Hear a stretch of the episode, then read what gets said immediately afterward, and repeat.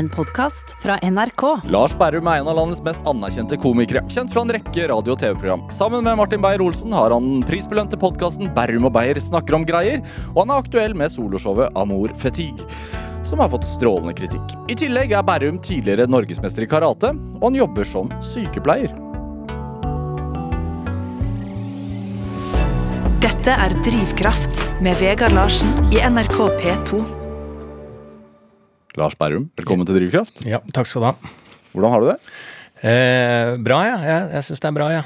ja. Bra dag i dag? Ja, veldig bra. Ja. Jeg har uh, vært på en sånn der eh, to måneders nødbrems på Bali. Ja. Uh, så jeg ikke, det er ikke så lenge siden jeg kom hjem fra det. Når kom du hjem? Si at det er en, en liten måneds tid siden. Akkurat rukket å fylle 36? Ja, absolutt. Og ha, ja, det er det jeg må bære med resten av livet. Var det derfor du dro hjem? Fordi du skulle ha bursdag? ja. Og så er det det at jeg må Det har jeg faktisk tenkt litt på at eh, hvis jeg en gang får barn og alt sånn, og de skal eh, gjøre ting som jeg er motstander av, så kan de alltid si men du dro jo til Bali da du var 35, pappa. Og den er en vond setning. eh, Så den må, jeg, den, sett, den må jeg vel leve med. Men jeg skal stå i det. Er det Hvem Jeg har aldri vært på Bali. Hvem er den typiske Bali-turisten? Eh, jeg vet ikke, for jeg, det var veldig lite turister når jeg dro. For Indonesia var veldig strengt lenge pga. korona. Mm. så da ville jo alle si var ikke det deilig å være helt sånn alene der uten turister? Men jeg, så jeg sier jo ja, og så sier jeg det sjøl. Men egentlig så skulle jeg ønske det var turister. Og etter hvert så kom det turister. Og den typiske Bali-turisten, hvis det var det du spurte om, var det ikke? Ja. Jo, det er en uh, australier som skal uh, feste, tror jeg. Eh, og så er det yogafolket, eh, og folk som rømmer. Jeg føler at Bali er på en måte verdens eh, Svalbard. Altså Jeg føler at alle i Norge som sliter med noe med å rømme fra ting, de jobber på hoteller i Svalbard og sånn. Jeg, jeg føler at det er alltid folk som har rømt fra noe, og det føler jeg også det er mye av på Bali. Ja, Hvilken kategori av de tre var du? Eh, jeg var vel eh, jeg, jeg, reflekterte litt rundt det før jeg dro, at heldigvis så rømmer jeg ikke fra noe sånn jeg, jeg rømmer ikke jeg, jeg har ikke den der at jeg må bare vekk, for jeg takler ikke eh, livet her. Så jeg hadde ikke den eh, Det kunne godt vært det, men jeg slapp unna det. Det var mer en nødbrems i forhold til planlagt nødbrems i forhold til ekstreme mengder jobb, da. Som, ikke er, som var planlagt i tillegg. Så det var en veldig sånn god måte å reise på, egentlig. Og så eh, merker jeg nå, derfor jeg kan svare at jeg har det bra, at jeg er lettere til sinns. Jeg kom hjem, og ikke pga. at det var Bali, det var litt tilfeldig, men at eh, jeg har vært på ferie i to måneder og merker det på kroppen. Det er lenge siden jeg har hatt sånn eh, mange år siden jeg har vært på ordentlig ferie, så det var ekstremt eh, jeg merker, Sånn her kan jeg være i kroppen, ja. Så jeg er ganske lett og bra og altså, liksom rund i kantene i valg og i stemningsleie og alt er egentlig ganske fint, altså. Ja. Mm. Samme stedet i to måneder? Ja, jeg, ja jeg var, men jeg reiste jo en del rundt, da. Men eh, jeg var i sånn, en by som het Changu, som har blitt et sånt mini-LA. Altså det er ekstremt mye folk som driver med PT-business og jobber på sånne kafeer eh, og altså, det var- Helse. ja, helse. Og det var så mye pene mennesker i det området der at uh, når jeg hadde vært der en liten stund, så jeg skjønner egentlig ikke at jeg slapp inn som en skalla mann i det landet her, fordi at det var så mye pene, pene mennesker. Så veldig sånn se og bli sett-sted, akkurat der jeg holdt til. Hadde du noe Var, målet bare å slappe av, eller hadde du en annen agenda også?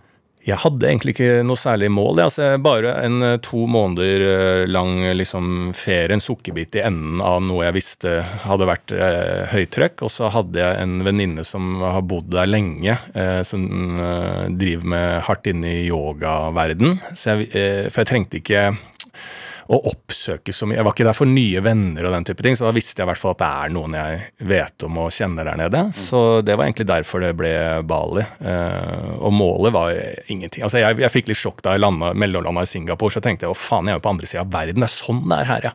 Så jeg hadde egentlig ganske lite peiling på Bali og alt det før jeg dro. Trives du aleine?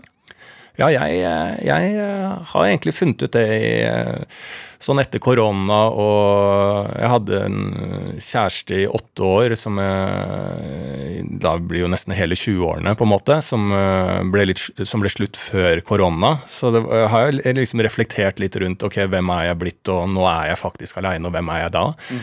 Eh, og jeg er ganske fornøyd med sånn, Jeg føler det er en sånn førsteutgave av voksenversjonen min. Eh, ekstremt mye mangler, selvfølgelig. Eh, men jeg, jeg er fornøyd med den utgaven, og at jeg trives med å være aleine. Og det har jeg egentlig alltid lært av pappa.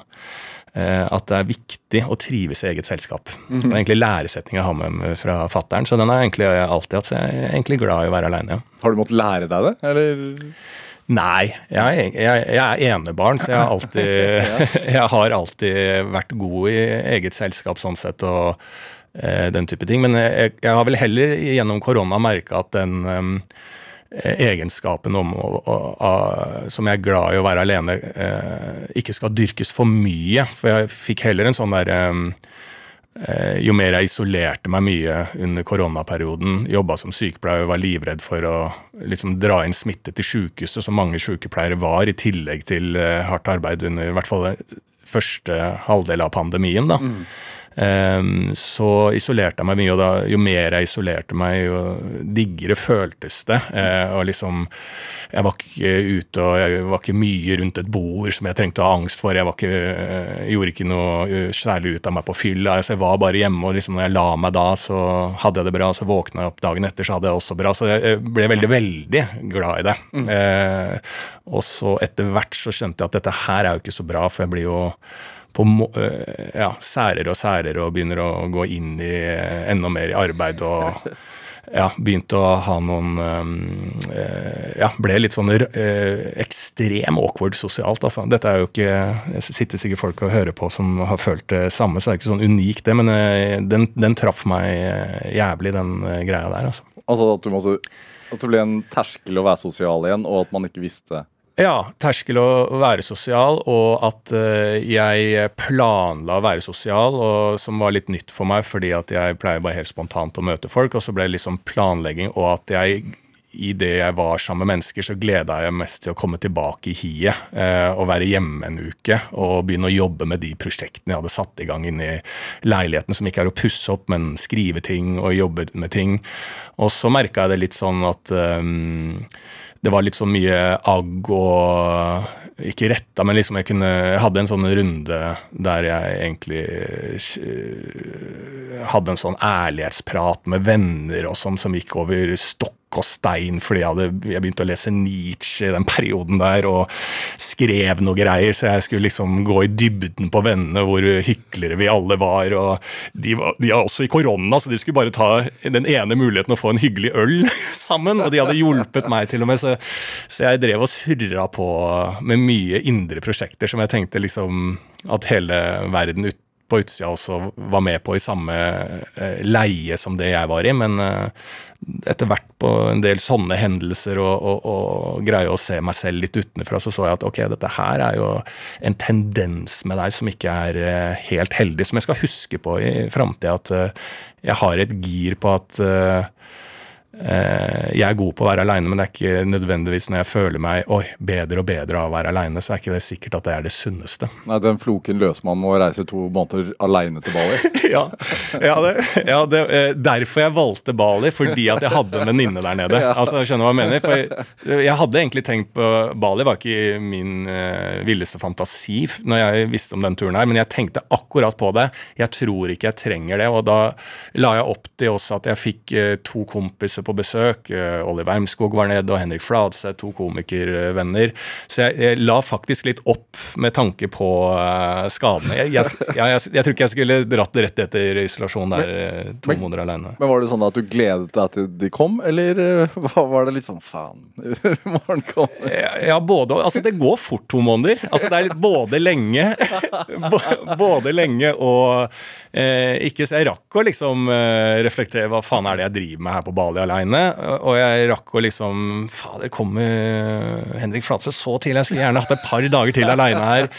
Eh, men det, ja, igjen da, så er det jo det at selv om jeg føler at uh, det er digg å være alene, så uh, har jeg godt av å, som mange andre etter pandemi og, og, og styr og ting, å komme, dra i gang det sosiale igjen og normalisere det, sånn at det heller man kan trekke seg tilbake når man ønsker det, istedenfor å søke det. Men driver du mye hva skal man si, selvransakelse eller sånn selvanalyse?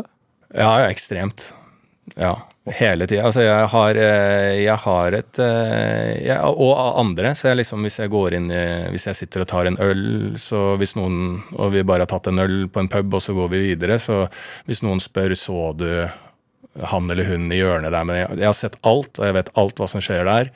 Eh, og jeg har eh, liksom eh, ransaker deg, på en måte. Hvordan eh, du er, og noen ganger feil og noen ganger Men plukker opp er det, har, er Vegard noe Er det noe trist der, eller er det Hvorfor ser han på meg sånn? Har jeg gjort noe gærent? Og så driver jeg veldig mye med meg selv hele tida. Kontinuerlig. Det er, øh, du er ofte Uh, gjest, eller hva, hva, heter det, i Lørdagsrådet. Altså du, du heter jo ikke gjest, du er, sitter i panelet der og, og gir eh, Terapeut, er det ja, det? Terapeut.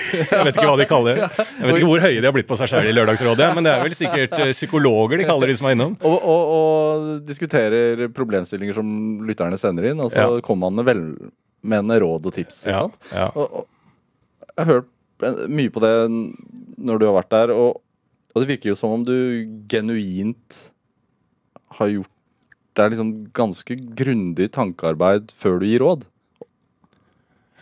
Eh, ja, altså, altså Det er mye omtenksomhet i, i, rådene?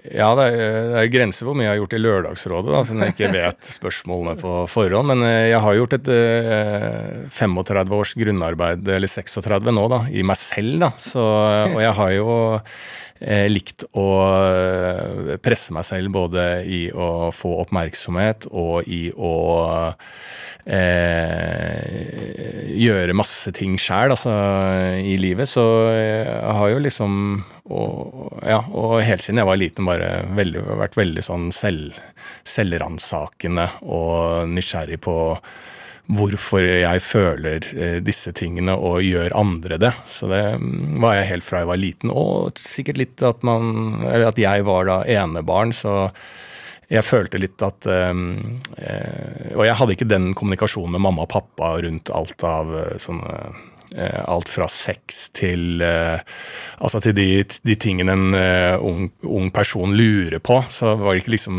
var det aldri naturlig for meg sånn sett å snakke med mamma og pappa om det. Så jeg hadde jo venner jeg måtte snakke med det om, og i den alderen man er og alt sånt, så, så lærte jeg veldig fort at hvis jeg tør å være litt sårbar og si at jeg skjønner ikke hvordan man runker, f.eks., eller hva er dette greiene alle snakker om, så ved at jeg sa det, så fikk jeg et ærlig svar fra de andre òg. eh, Istedenfor at jeg sa 'fy fader, det er digg å runke'. Eh, og da ville de andre også løyet, merka jeg. For selv, hvis jeg sa 'jeg skjønner ikke helt det', så kunne da vennen min si 'nei, ikke jeg heller', men broderen sier det og det. Og så kunne vi liksom nærme oss en uh, tematikk som vi ikke skjønte noe av. da. Mm. Og det må ikke bare være sex, det er ikke det jeg sier, men uh, alt sånt. Jeg lærte en sånn jeg, fikk, jeg, tror jeg fikk sånn tidlig en gavepakke med at uh, det å være litt uh, sårbar ikke gjør at du, du taper Jeg tapte ikke noe. Uh, jeg fikk i hvert fall en tidlig en erfaring at jeg heller vant informasjon og vant noe nærhet som jeg hadde med et annet menneske. Så Og har hatt da veldig mange spørsmål rundt hvorfor jeg tenker sånn og alt sånn, så jeg har egentlig fortsatt, fortsatt med det til det kanskje litt sånn overdrevent overdrevne i voksen alder òg. Ja, altså folk kan komme til deg, eller venner kommer til deg med ærlige problemer? Ja, det føler jeg. Og jeg kommer til de, og kanskje til eh, Hvis jeg bor sammen og så bare Ja, fader, jeg føler meg sånn her i dag. Ikke, hvorfor, gjør, hvorfor, tror du jeg gjør det? Altså, så jeg tror jeg kan gå til det Eh, altså, jeg kan plage folk. altså, hvis du skjønner at Det kan bli en ekstremt eh, irriterende kjæreste som eh, kan liksom oppfattes litt nesten sånn hypokondrisk. Eh, uten at det egentlig er det, men det er litt sånn fascinasjon av hvorfor jeg eh, våkner opp i denne tilstanden, og nå har jeg det sånn. Eh, og jeg har ikke noe grunn til å ha det sånn. Hva tenker Har du det sånn? Altså, Får du bare sånne dager der du tenker det, eller eh, ja, fascinerer meg hvis det er noe jeg elsker. Jeg digger å være ute blant venner, men i dag så føler jeg ikke at Nå har jeg en periode jeg ikke føler at jeg vil være sammen med venner. Er det et Eh, hvorfor er det sånn? Er det et liksom hamskifte i meg, at, i voksen? Altså det funderer jeg mye på nå. Er jeg i en for jeg har alltid elska det sosiale og trøkk, trøkk, trøkk. Ja. Og så begynner jeg nå å reflektere rundt er det noe jeg egentlig egentlig ikke har elska, men følte, føltes ut som at jeg har måttet gjort helt fra jeg var liten, siden jeg er enebarn, siden jeg må ha venner på den måten, til eh, voksne alder, sånn at um, jeg begynte med komikk og den type ting, og at det er en del sånn du må være i et miljø, du må bli venner med folk. Mm. Og så slår det meg nå litt sånn at jeg liker egentlig å trekke meg litt tilbake, jeg må ikke være ute hele tida. Så driver jeg og funderer nå på om jeg egentlig er en eh, Hvilken Har jeg forandra meg, eller har jeg egentlig aldri vært sånn? Sånne type ting syns jeg er fascinerende å tenke på. da. Men Du sa vel tidligere i praten her at du hadde startet på voksenepoken, eller voksen... Ja, ja. ja, ja. Jeg tror jeg, ja, det første Ja, i hvert fall eh, Jeg har sikkert eh, kanskje Jeg håper for guds skyld at jeg starta litt tidligere, men jeg har i hvert fall reflektert rundt det nå de siste, siste årene. Du har gjort noe så voksen som å kjøpe egen hytte? Ja. På Nesodden? Ja. ja. ja er det en del av det av, liksom, samme mønsteret? Eh, ja, det tror altså i hvert fall en del av en sånn refleksjon jeg har gjort eh, meg opp at um, eh, siden jeg lever eh, såpass svevende i alle mulige former, hvis, du, hvis vi har A4 som en, som en term, da, et A4-liv, så lever jeg jo altså sånn normen til eh, barndomsvenner som ikke driver med komikk, da, eller har valgt en sånn, eh, sånn type vei, eh, som har mer en jobb å forholde seg til, som er den typiske ni til fire, eller hva nå det er. Eh, så lever jeg jo ganske annerledes, og så er jeg Hvordan da? For jeg styrer jo på en måte da min hverdag selv, da, eh, og at jeg må skaffe jobbene selv. Jeg må administrere kontorarbeidet i anførselstegn selv. Eh, og eh, for meg, det å være kreativ må også se litt sånn eh, følelsesnært da, eh, i forhold til humor. Så det må på en måte bety altså en, en, en vits, en, en idé til et show starter ofte med en følelse. da. Uh, og det trengs det jo litt sånn tid å kna fram inntil å få satt ord på det. Og egentlig er det også en litt sånn vei jeg har lett mye for min egen del gjennom humor, og få folk til å forstå meg på scenen også. Mm.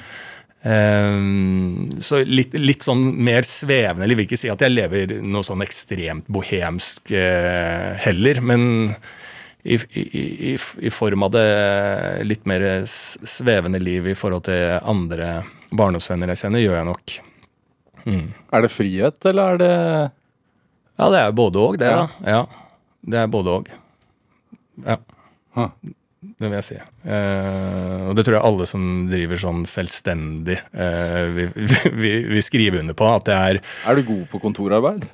Helt elendig. Ja. Og så velger jeg da å ikke ha manager. Jeg velger å ikke ha noen som kan fikse tingene for meg. Så når jeg nå har et uh, soloshow, så uh, gjør jeg all administrasjonen selv og booker da turné og styrer med alt til billettsalg til å booke på folk til å uh, gjøre alt. da, så jeg, jeg, på en eller annen måte driver med en slags selvskading. Eh, I form av at jeg pålegger meg mye kontorarbeid som jeg ikke er god på, og organisering som jeg heller ikke er sterk på.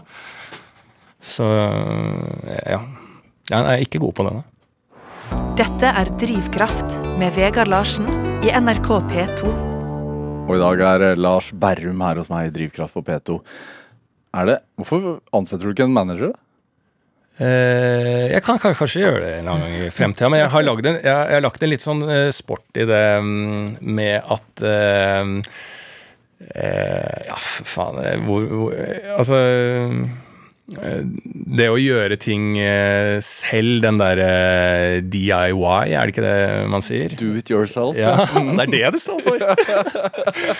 Eh, og jeg var bare veldig fornøyd med at jeg greide å si den forkortelsen riktig. Um, så jeg syns jo det er veldig nydelig i komikkens verden, og spesielt standup, som er en sjanger jeg er veldig, veldig glad i, som jeg ble jo nesten på en måte introdusert og tatt med på en um, reise med da tidligere gjest her, Martin Beyer-Olsen. Som var her i går? Ja, ja, Som ga meg på en måte en um, han er jo eh, seks år eldre enn meg eller et eller annet sånt, og holdt på litt eh, lenger enn meg da jeg starta. Plukka meg Fikk på en måte en sånn eh, en venn og en eh, på en måte en som viste meg humorens verden i, med standup eh, på festivaler i utlandet og alt sånn. Og vi begge hadde på en måte en litt sånn forelskelse i det der indieheten, da. som er å, å Altså den skapingen eh, som skal på en måte være litt egen og Skal det være litt rått?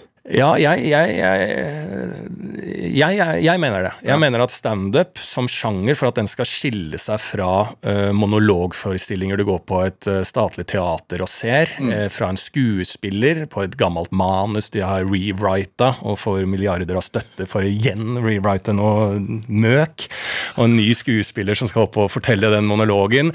Nei da. Å jo da. Men alt dette i det Var det snakket om Ibsen? Eller? Ja, ja, nei, Ibsen. Ja, ja, vi kan aldri få nok Ibsen, kan vi ikke? Er det, er det ikke som vi sier i Nationaltheatret? Uh, uh, og så vi trenger, å, vi trenger, trenger å lage noe nytt på Nationaltheatret! Vi har jo Ibsen! Altså, jeg syns noen skulle fått lov til å lage noe nytt nedpå der òg, som det ble satsa på. da. Uh, og ikke var 1500 kroner billetten. Eh, og så eh, jeg, eh, Men altså, teater er viktig, monolog i teater er viktig. Alle disse tingene ha, har sin viktighet. Men der standup har fylt et tomrom, da, ja. i den scenekunstformen, mener jo jeg er i råheten eh, eh, og den på en måte personlige, i anførselstegn, meningen i, ved hjelp av humor, eh, eh talerøre, altså nesten en um, underholdende og jobba med sånn speakers corner. Altså en som står på en kasse og roper ut meningene og er morsom, på en måte. Mm.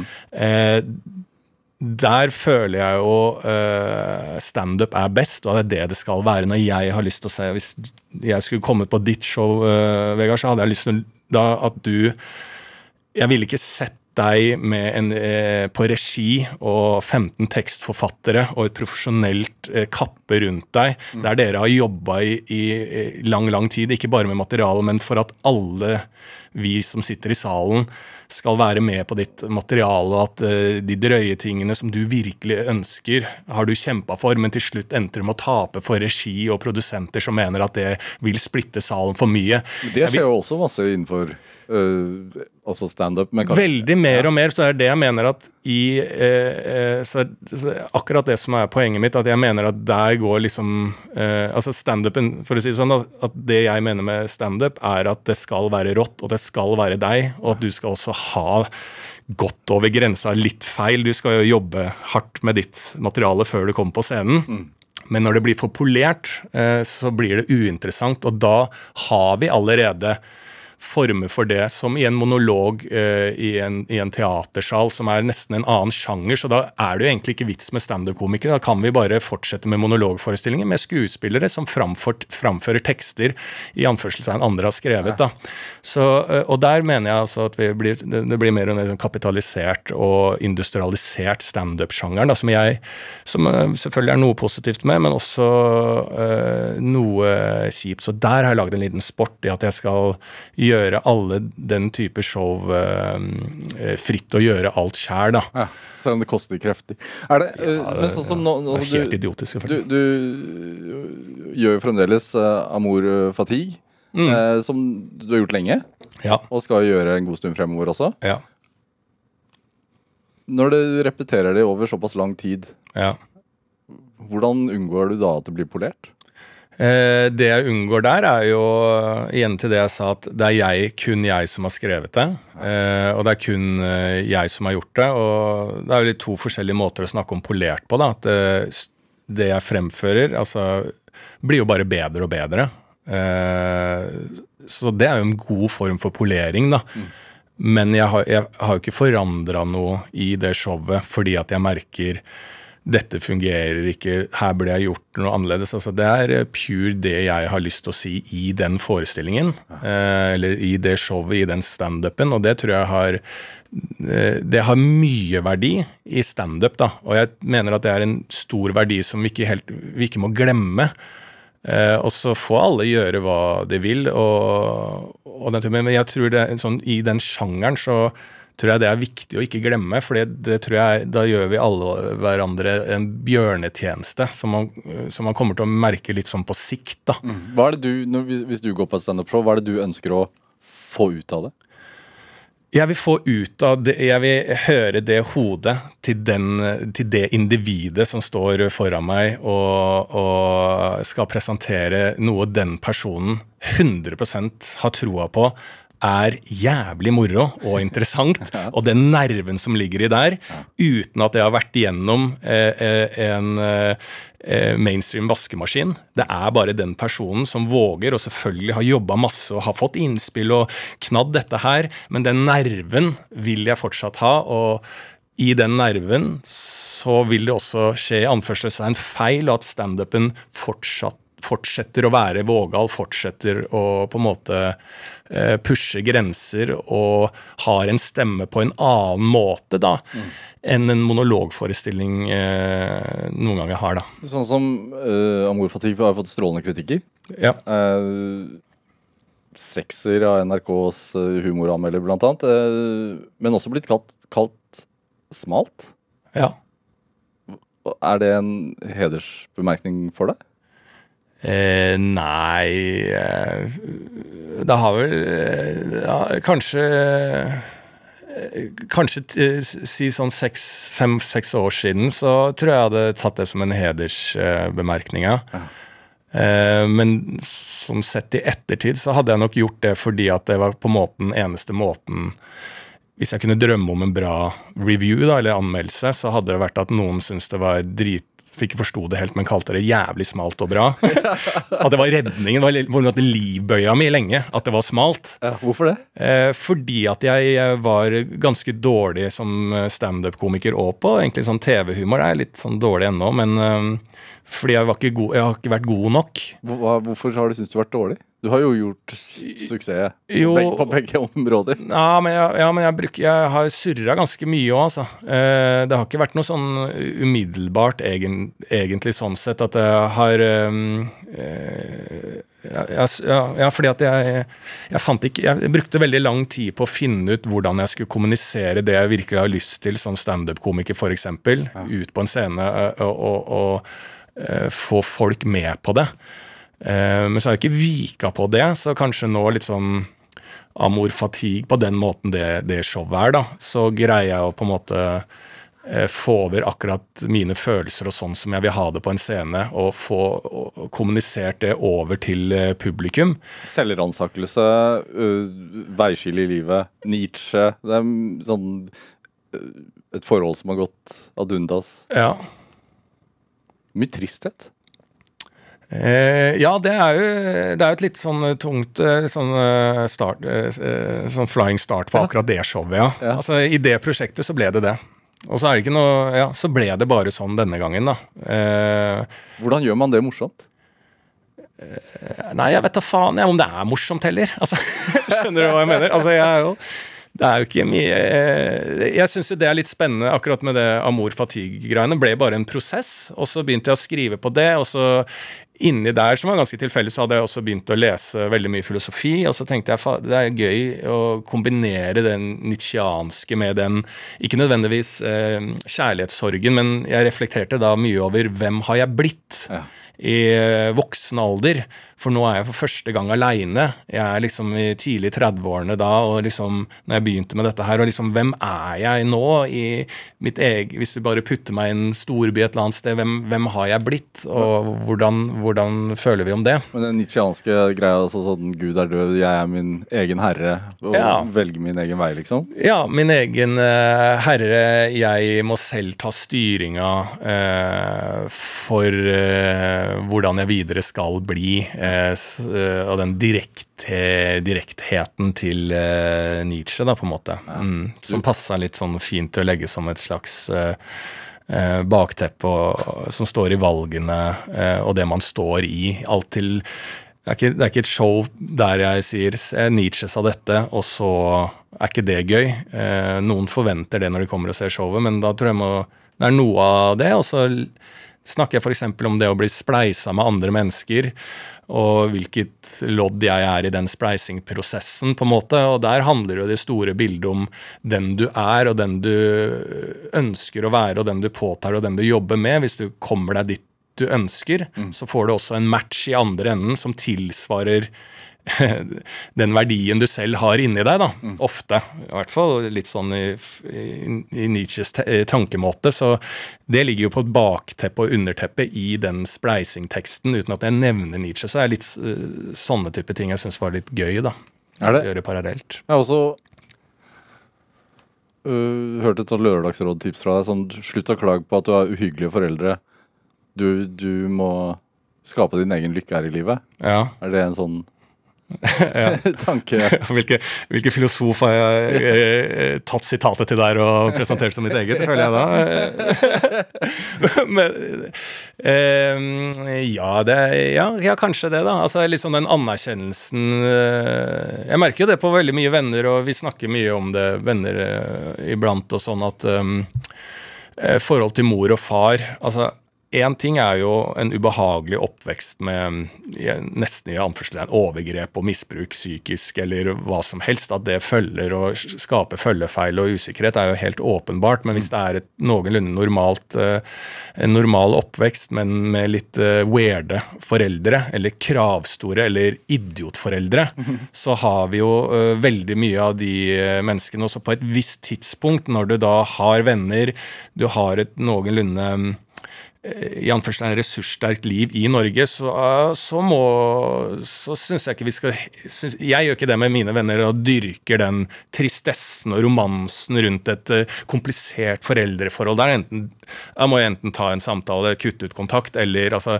Det skal i hvert fall ikke ødelegge din livskvalitet i voksen alder. Ja. Det føler jeg vi må uh, prøve å pushe hverandre til å ta litt sånn valg for, uh, for egen del òg, da. Altså det å eh, mestre livet, eh, som vi alle gjør aleine, da, eh, eh, krever, jo, krever, jo, jævlig mye av oss. da, eh, Og det er jo veldig dumt å gjemme i samtaler også. Eh, privat, da. Og det er ofte det enkleste å gjøre. da. Men er det viktig for deg, når folk har vært og sett på deg, at de faktisk gjør seg noen tanker om seg selv? Nei, nei, nei. overhodet. Altså, altså, det jeg var livredd for den, akkurat denne Amor fatigue-forestillingen, var jo bare at uh, jeg måtte spørre venner først er det, er det noe jeg bare må Er det en liksom en dårlig psykologtime. Altså, skjønner jeg? Altså, at til og med psykologen hadde tenkt 'kommer du hit med det her'? Altså, Faller jeg mellom psykologstolen og et langt unna et show at de bare Hva faen er det du driver og skal si på scenen? Så dette er bare for egen vinning. Jeg har bare gjort dette, det ble som det ble. Jeg går på scenen og ser hva det er ingen bare Alt jeg gjør av humor og all den type ting, er bare en eh, selvransakelse, egoisme, narsissisme. Det har ingenting med noen andre å gjøre. Men setter utrolig pris og jobber hardt med å få det over til publikum. At han også kan underholde publikum, og er avhengig av det. Jeg skal ikke være en sånn komiker som sier sånn applaus har ikke noe å si for meg. Eller det har jeg garantert sagt det i løpet av livet mitt, men, eh, men jeg er ferdig med det. da. Eh, at eh, selvfølgelig vil jeg ha applaus, selvfølgelig vil jeg ha Eh, at folk liker det jeg gjør. Eh, men alt jeg gjør av komikk, er bare eh, for meg sjæl og for meg, ja. Mm. Lars Berrum, vi skal spille litt musikk. Du har med en Kings of Leon-låt. Ja. Cold Desert. Hvorfor det? For det er en låt jeg tidlig i 20-årene i en sånn slags krise der hørte på. Og så siden det så har jeg tenkt at i den låta skal jeg putte alle opplevelser i livet Altså Jeg hørte på den på Bali, f.eks. Altså, både positive og negative. Hver gang jeg har en eller annen jeg føler på i livet over en periode, så hører jeg på den låta. Så jeg, det er et eksperiment om jeg blir gammel, om jeg kan nesten ha hele livet mitt eh, av både ups and downs og vendepunkter i livet mitt inni den låta. Greie å finne det fram igjen, da. Så det er din temalåt? Ja, skal, det skal bli det, ja. ja.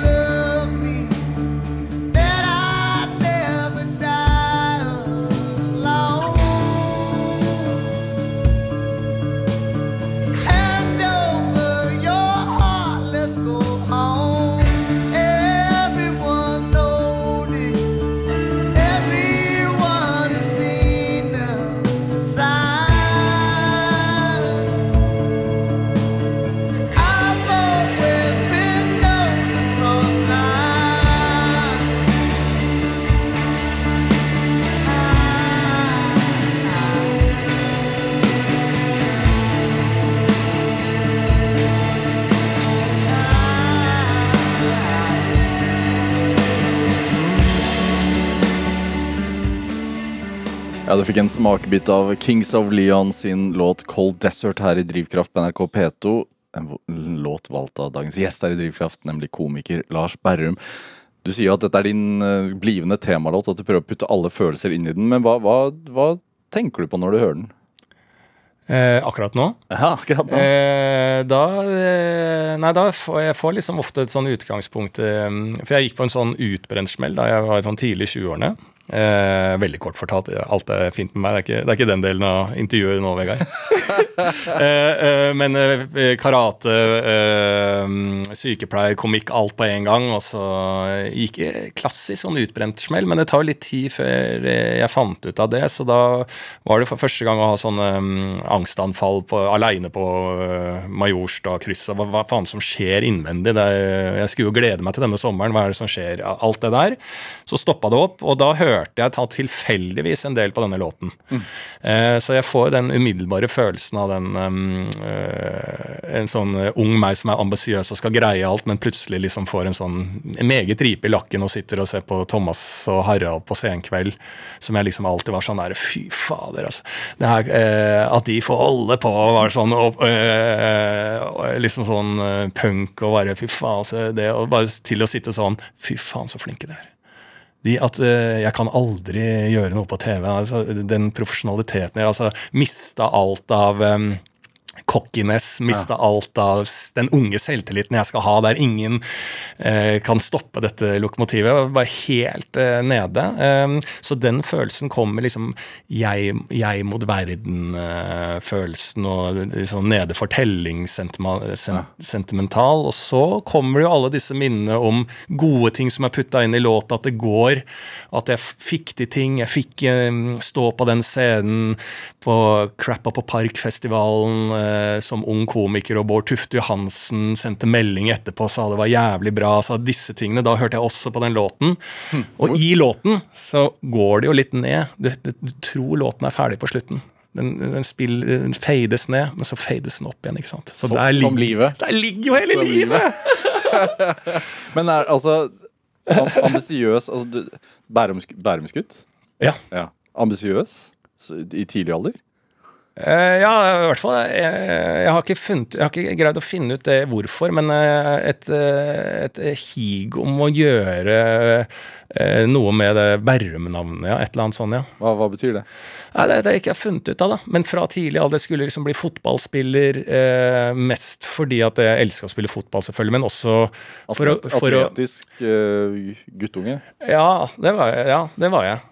Liksom, men det handla mest om liksom å, å utrede, utrede noe, da. Hva, Jeg vet ikke hvorfor eller hva. Det er kanskje fordi jeg er fra en sånn typisk eh, eh, ja, arbeiderklassefamiliestil, og pappa var, var i koma en periode da jeg var eh, yngre. Jeg vet ikke om disse tingene gjorde liksom at jeg liksom følte at eh, Og de var veldig sånn Bare få deg en eh, vanlig jobb, så er vi fornøyde, på en måte.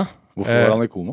Eh, eh, noe lunge, lungevirusgreier. Ah. Som eh, i senere tid har skjønt at det er korona. Nei da, det var ikke korona, men, men dette er jo lenge siden. Men det er en slags sånn samme som vi nå alle kan liksom skjønne at det kan bli, gå gærent med et uh, virus som setter seg i lungen nå. Ja. Som også kan trigge en slags eksistensiell reise for et barn? da. Ja, Ellers så er det bare en voksen Lars som prøver å gå sånn freudiansk til verks og bare 'Her må det være noe, dette har påvirka meg'. Men jeg aner, jeg, jeg aner ikke. Altså, Hva faen skal jeg finne på? De har jo bare vært snille, så jeg har ikke, jeg har ikke noe hadde det vært et slag inne i bildet eller en neglekt, så hadde jeg kunnet sagt noe, men jeg har jo ikke det, så da må jeg prøve å eh, finne ut hvorfor, da. Nei. Ja. Karate ja. på grunn av Pappa hadde drevet litt med det. Ja. Og så var han uh, veldig opptatt av at jeg ikke skulle bli mobba, så jeg starta veldig tidlig på karate. Så jeg vet ikke om det er uh... Ikke, ikke Karate Kid-filmen som var påvirkning? Altså. Nei, det var ikke det, Det altså. Kanskje litt for ung. Ja. Jeg så jo den, jeg har jo sett de uh, Wash Off, Wash On og Wash Off-greiene. men nei, så ble det karate fra jeg var syv år, og så holdt jeg på med det, og så parallelt med fotball, og så spilte jeg ganske delvis høyt nivå som juniorspiller i fotball, men så mm, eh, ble det, ja, så ble, det ikke mer fotball. Eh, følte at liksom, nei, jeg får ikke tatt det siste steget. Eh, og så drev jeg med karate da, og så var jeg på landslaget i karate, så bare ja, nå gønner vi på med karate litt, og så holdt jeg på med det til jeg var 24 ca. Hvor viktig er det for selvtilliten til en ung mann å vite at han kan slåss? Eh, ja, det er, det er jo ofte ikke det Det er vel heller Det gir nok sikkert noe sånn der uh, Altså, ingen kan jo slåss, altså sånn gateslagsmål. Da er det jo uh, Noen er jo veldig gode på gateslagsmål, og da er det jo fordi at du er, vil ty til alle mulige midler bare for å få senka motstanderen.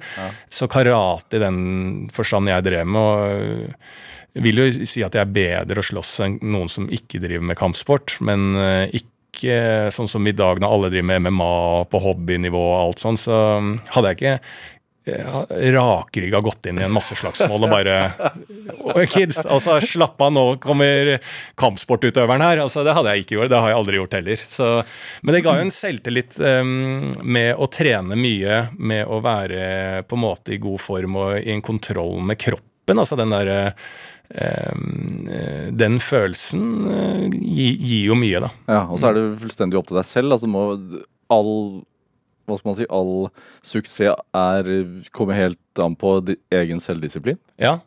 Ja, det er også sant. Det, så jeg vil, eh, om ikke jeg skal kaste et fremtidig barn jeg får inn i karate på den måten, så var det i hvert fall noe som ga meg veldig mye. fordi nettopp det du sier at du eh, Har du øvd på denne graderingen til et nytt belte, eller har du ikke? Det, så står du foran mange dommere, og du skal kanskje få et nytt belte, men greier det ikke. Og så griner man som barn, og hvorfor får ikke jeg det, og han fikk, og hun fikk, og alt sånt. Nei, du var for dårlig, på en måte. Og det er fordi at du ikke har giddet og øvd. Og så lærer man litt de tingene, og hvor brutalt det er å kjenne på at man eh, selv ikke har giddet og mm, gjort det arbeidet som kreves. Og så til neste gang så bare Det skal ikke skje igjen, så jeg skal være forberedt, da. Så lærer man jo litt sånn på en slu måte at man må være forberedt. Og litt den etiketten og eh, det meditative og det på en måte i anførselstegn spirituelle som ligger rundt tror jeg, enhver kampsport. Det er til og med MMA. den eh, Eh, eh, altså sånn MMA som er jo brutalt, da. ikke sant, Inne i buret der, og det skal slåss. Men det er jo en eh, på utsida en enorm eh, respekt for hverandre som individer som den motstanderen du går inn i fighten med, og mye, mye mentalt arbeid og eh, mye taktikk og bøying og tøying og meditasjon. altså all, Alt dette kommer også med i alt dette av kampsport, som er ut, utrolig fin eh, lærdom å ha eh, å få i tidlig alder. Mm, og veldig lite penger i det, så det er ikke noe sånn at man drømmer om å, å, å, å gå til City og tjene millioner i uka. Altså det er en sånn, Karate, nei. nei ja. altså det er en helt sånn. Man, man driver, det, driver med det pga. en lidenskap. Da. Ja. Og alle de som fortsetter å holde på på et helt annet nivå og hadde det giret enn meg også, så er det jo det er pure lidenskap. ja. Og trenere som er um, engasjert i karate. Uh, utrolig liden, uh, masse, masse lidenskap. Og verden rundt, selv om karatesporten er større i verden. da. Men uh, så er det lidenskap, ja. Har det vært viktig for deg sånn generelt i liksom vei, veivalgene du har tatt? Hva da? Nei, altså At det er lidenskapsbasert? At det er en sånn Ja. Og, og, og gjort eh, fått straff selv med å gjøre ting eh, i generelt i livet som jeg føler jeg må gjøre, men som ikke har hatt magefølelsen med. Og innen komikk også. Eh, og, og følelsen av å gjøre ting jeg føler eh, Her er vi sikre, men stoler litt på, på andre, og at eh, Nei, ja, du mener det er riktig, ja, og så gjør jeg det. Og så det å stå f.eks. Ja, i humor og møte venner eller folk som sier 'ja, fader, jeg så det greiene der', og så vet jeg selv at jeg har blitt med på det fordi jeg, ved å være med på det, så tror jeg jeg kan få noe annet i altså, Og så er jeg ikke fornøyd med det jeg har vært med på, og det er ikke mitt produkt på en måte heller. Å stå og unnskylde seg innen komikk, det, det har jeg lært også ved å gjøre de feilene tidlig. Og liksom tenke at det skal jeg ikke gjøre igjen, for jeg må ikke på død og liv være komiker. Hvis jeg måtte det på død og liv, så måtte jeg gjøre alt mulig, da. Mm. Men jeg er utdanna sykepleier som jeg elsker, så da kan jeg heller jobbe som sykepleier. Så jeg elsker å drive med komikk. Jeg har et enormt eh, ego inni det, og utømmelige ting som skal ut. Mm. Men det, den kontrakten med meg selv skal gjøres på det fordi at eh, jeg gjør det på mine premisser og eh, ønsker å gjøre de tingene jeg gjør, da. Moren din var sykepleier? Er Ja, sykepleier. pensjonist nå? Ja, akkurat nå, faktisk. Ja, Hun har eh, eh, satt klørne i veggene på sykehusene rundt omkring, så hun har ja, hun holdt ut lenge. Gått i hennes fotspor? Da. Ja, har på en måte det, da. Hva var det som gjorde at du, du tenkte at det var en fin vei å gå? Altså, Jeg bruker dette som vits òg, men det er helt sant. at Det var bare fordi at jeg ikke visste hvor, at jeg skulle rangere søkene i samordna opptak. Så jeg hadde bare sykepleien øverst, men jeg hadde journalist, jeg hadde fysioterapi, jeg hadde jævlig mye på den lista. Og så var jo pappa og mamma sånn veldig sånn opptatt av at få deg en utdannelse, få deg en, ikke begynn med disse friårene, liksom få deg den kjapt nå. Ja, Ikke dra til Bali. Eh, Ikke dra til Bali. Gjør det når du er 35. Men mamma, det er ingen som gjør det når de er så voksne. Jo, du. Eh, eh, så det er Ja, så jeg begynte bare på den utdannelsen rett etter videregående. Litt for å tilfredsstille mamma og pappa òg. Og ja, se på det egentlig som en treårig videreutdannelse fra foreldrestudiet, da. Hva er det beste med den jobben? Det er jo at, du, at jeg, i hvert fall for min del s- Igjen var viktig for meg, og det er jo da at jeg eh, Det er, den, det er noe jeg gjorde, gjør i livet og, og, og kan og elsker, hvor jeg også kan uh, på dårlige dager sette to streker under svaret at det faktisk har en verdi for samfunnet. Uh, og en verdi for andre mennesker som er reell. Eh, jeg hjelper eh, andre. Det er, en, det, er en, eh, det er en bra ting. Og på et eller annet sett og vis så er jeg opptatt for meg selv å eh, være bra for andre. Mm. Du har, siden moren din har vært sykepleier hele livet, og du har gått samme retning, hva er ståa for, for sykepleiere i Helse-Norge i dag? Ståa er jo at, uh, at det må gjøres noe, da. Ja. ja det er jo ståa du leser i, om i media, og som du under hver krise som skjer i Norge, så føler jeg at sykepleierne kommer opp til overflaten, og at man får et, også et innblikk gjennom media. Bare sånn I helvete! Har vi ikke intensivplasser? Har vi ikke det? Her får de så dårlig betalt. Får de, må de, hva er New Public Management? Styrer vi sykehusene våre som private bedrifter? Er det flere konsulenter som blir ansatt enn sykehus? Har vi mangel? Ja. Slutter eh, fire av ti eller mer av sykepleierne som er nyutdanna pga. press og, og stress? Altså, hvordan drives hele maskineriet, og hvor politisk det er. Og ved hver, hvert veivalg de siste årene så føler jeg ingen av regjeringene har greid å uh, få et tungrodd system til å um, starte på scratch og liksom rydde opp. da. Vi har rydda opp ved Gro Harlem Brundtland, og der vi kanskje hadde for byråkratiske sykehuser, til at det ble litt sånn mer privatdrevet i det offentlige, mm. til at det har gått over the top. da. Og hvordan skal du nullstille og gjøre det om igjen? Det er jo et spennende spørsmål da, eh, når vi bytter regjering sånn som vi gjør i Norge. Mm. Mm. Vi har ikke råd til å la være å Selv om det er dyrt, si. Nei, altså, jeg, jeg, jeg, skjønner ikke. Og sånn som at det er tøft under en koronakrise. Og, og, og, jeg tror Jeg har ikke vært borti mange yrker, men jeg har hatt masse sommerjobber og jobba på lageret og jeg har vært overalt, men jeg har aldri eh, jeg føler jo at jeg er litt sånn på besøk også som sykepleier. Det er jo ikke min eh, 100% jobb, men folk er jo der 100% Det er deres jobb. Mm. Der skal de også bli ivaretatt på samme måte som folk i NRK blir ivaretatt, med pause, lunsj, med ferier, med eh, ikke samvittighet som kastes over deg for å utnytte deg til å jobbe litt ekstra. Altså alle disse tingene som ligger på det generelle i norsk helsevesen, er jo en ekstrem utfordring som jeg føler bare, eh, bare vokser og vokser. Da. Er det deilig da hver tirsdag treffe Martin Beyer-Olsen og liksom avreagere? eh, generelt i livet, tenker du på? Ja, ja generelt ja. i livet. Eh, generelt i livet så er det alltid deilig å møte Martin Beyer-Olsen, som er jo en uh, bestevenn som jeg har egentlig møtt hver dag, eller snakka med hver dag i faen over ti år, tror jeg. Eh, og det å lage en eh, podkast uh, ukentlig med bestevenn og egentlig komi-idol, og den personen jeg skylder alt som jeg alltid har sett opp til og har ønske og til per nå å være den jeg har lyst til å imponere. Ja. Eh, så er jo det eh, så veldig sånn unikt, da. Jeg spurte han i går eh, Jeg stilte han spørsmålet hvorfor er det sånn at de, de, som har gjort kanskje størst humorkarriere i landet, er de som har vært tospann. Ja. Er det svaret? At man, ha, at man, det du sa nå, at man ønsker å imponere den andre?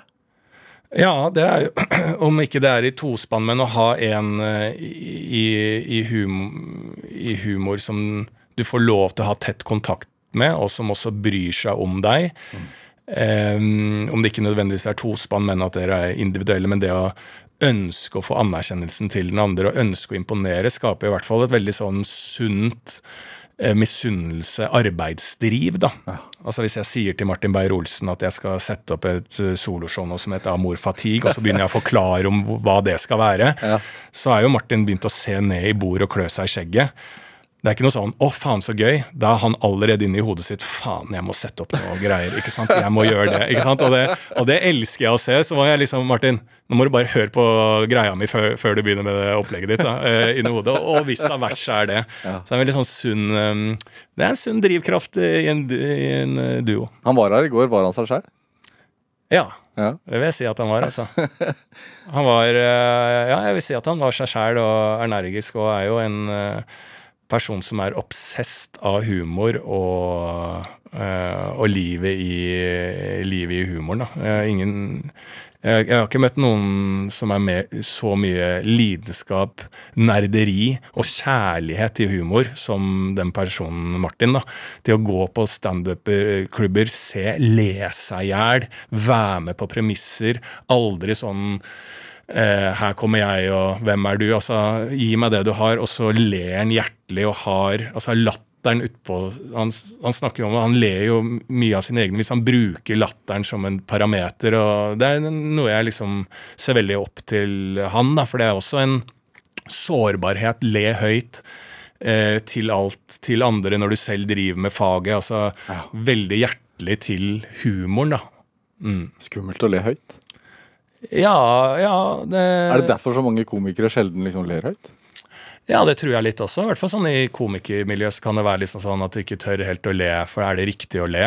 Eh, stil. Også, og du er skada da, Ja. eh, av at du du sitter her og jobber med, så du er helt i tåka når du først ser på et standup-show. Eh, eh, og liksom mer i ditt eget hode. Men Martin Greier eh, er såpass glad i selve humoren da, at han, det er det han ønsker. da. Det er den bølgen han har lyst til å ri på bølgen av latter da, og humor. Du sa at du i tidlig alder fikk en SMS fra Bård Tufte Johansen at han hadde sett deg på scenen, og, det ga deg en boost. Ja. Er du flink til å gi Ja, jeg, jeg, litt på grunn av det, og eh, egentlig 100% på grunn av Martin Beyer-Olsen, som var eh, litt eh, etablert og som tok meg opp. Og egentlig det miljøet jeg møtte da med standup-komikere, eh, som var veldig interessert, kom, syntes det var gøy, satte av tid når det gikk dårlig. Altså En komiker som heter, som heter Vidar Hodnekam, kom, som var liksom etablert på standup-scenen, kom ned fordi at jeg gjorde det ræva, tok seg tid. Kan vi ikke bare se litt Ja. på materialet? Altså, eh, Å hjelpe andre å, å få til ting. Det er på grunn av at folk har gjort det med meg, så jeg har lyst til å gjøre det til andre òg. Ja. Du stilte jo Martin et spørsmål i går. Ja. Han- stiller deg et spørsmål også. Han lurte på når i all verden du skulle betale tilbake det du skylder ham. Ja, og det irriterer meg at han aldri gir slipp. For jeg tenkte, er det ikke sånn at man drainer ut sånne ting? Altså, skal han glemme det? Jeg venter til renta skal opp. Jeg venter, Eller han kan bli deleier i hytta. Nesodden. Ja, det kan bli. Han kan eie utedassen. Ja, han kan stå for tømming av den. Lars Berrum, hva, hva tenker du er din drivkraft? Jeg, ja, ja, det er det jeg prøvde å tenke på. Jeg aner ikke. Det er jo å, det er et eller annet jeg skal bevise for noen. Men jeg driver og analyserer hvem jeg prøver å bevise det for. Sånn her og nå så er det Martin Beyer-Olsen. Men er det Forandrer det seg? Altså sånn Du sa at du har kommet inn i voksenepoken i livet. Ja. Er det behovet like sterkt? Ja, det er det, altså. Det er et eller annet eh, Jeg skal få ting ut. Det er noe jeg skal bevise. Så jeg må kanskje, jeg må kanskje eh, dykke litt om religionen igjen og finne ut er det noen der jeg driver og snakker med. Mer selvransakelse må til. Lars Berrum, tusen takk for at du kom hit til Drivkraft. Veldig hyggelig. Hør flere samtaler i Drivkraft på nrk.no eller i appen NRK Radio. Send oss gjerne ris og ros og tips til mennesker du mener har drivkraft. Send en e-posten til drivkraft.nrk.no. Vi hører veldig gjerne fra deg. Produsent i dag var Ellen Foss Sørensen, og Julia Martincic bidro med research til denne sendingen. Dette var Drivkraft. Jeg heter Vegard Larsen. Vi høres. Du har hørt en podkast fra NRK. Hør flere podkaster og din NRK-kanal i appen NRK Radio.